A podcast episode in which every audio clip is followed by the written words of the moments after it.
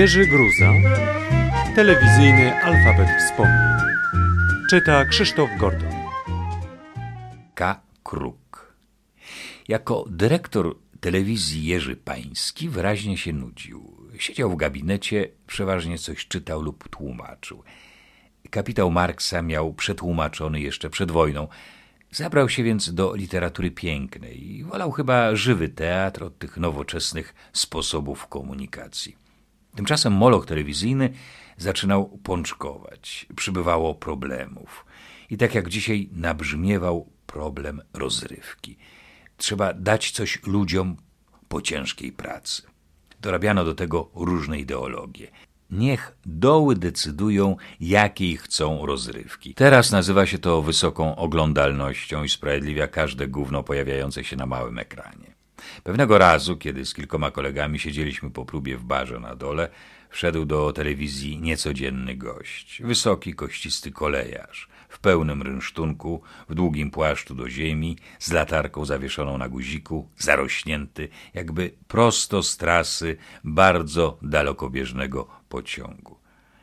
Przepraszam, czy tu się mieści telewizja? Tak, o co chodzi? Ktoś pyta. Ja w imieniu kolegów z naszego węzła Warszawa Wschodnia. Chciałem powiedzieć, że za mało dajecie towarzysze rozrywki. Mówił twardo, jak to kolejarz z węzła. No, wie pan, no, dobrą rozrywkę jest bardzo trudno, broni się jeden z nas. Ale jaki rodzaj pan preferuje? Co na przykład kolejarze z Warszawy Wschodniej chcieliby zobaczyć? My nie tylko chcemy oglądać, ale i sami możemy zaprezentować coś ciekawego.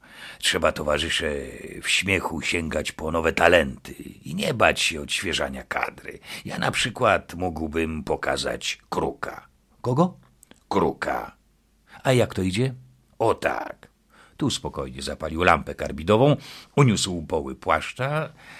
Taki wielki czarny zaczął machać rękami w rytm przeraźliwych okrzyków. Kra, kra, kra. Zadyszał się, opadł z sił i ucichł.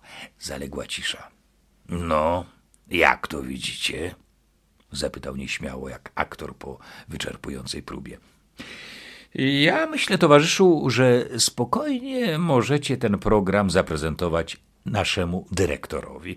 Jest bardzo wyczulony na inicjatywy oddolne i czegoś takiego poszukuje, powiedziałem. Gdzie on urzęduje? Na czwartym piętrze. Bardzo dziękuję, pójdę tam. Udaliśmy się za nim dyskretnie na górę, aby zobaczyć, co się będzie działo. Towarzysz z terenu, zaanonsowała sekretarka w gabinecie. Ja w sprawie rozrywki. Siadajcie, towarzyszu. Bardzo ciekawi mnie wasza ocena tego, co robimy w tej dziedzinie. Po chwili, gdy rozległy się przeraźliwe krakania, z gabinetu wypadł blady ze strachu pański z okrzykiem Strażnik, strażnik! i rzucił się do ucieczki. Za nim biegł kolejarz, unosząc wysoko poły płaszcza, jakby miał zaraz wzbić się w powietrze. Czarny, ogromny kruk z węzła Warszawa Wschodnia. Gdzieś jeszcze ciągle krąży.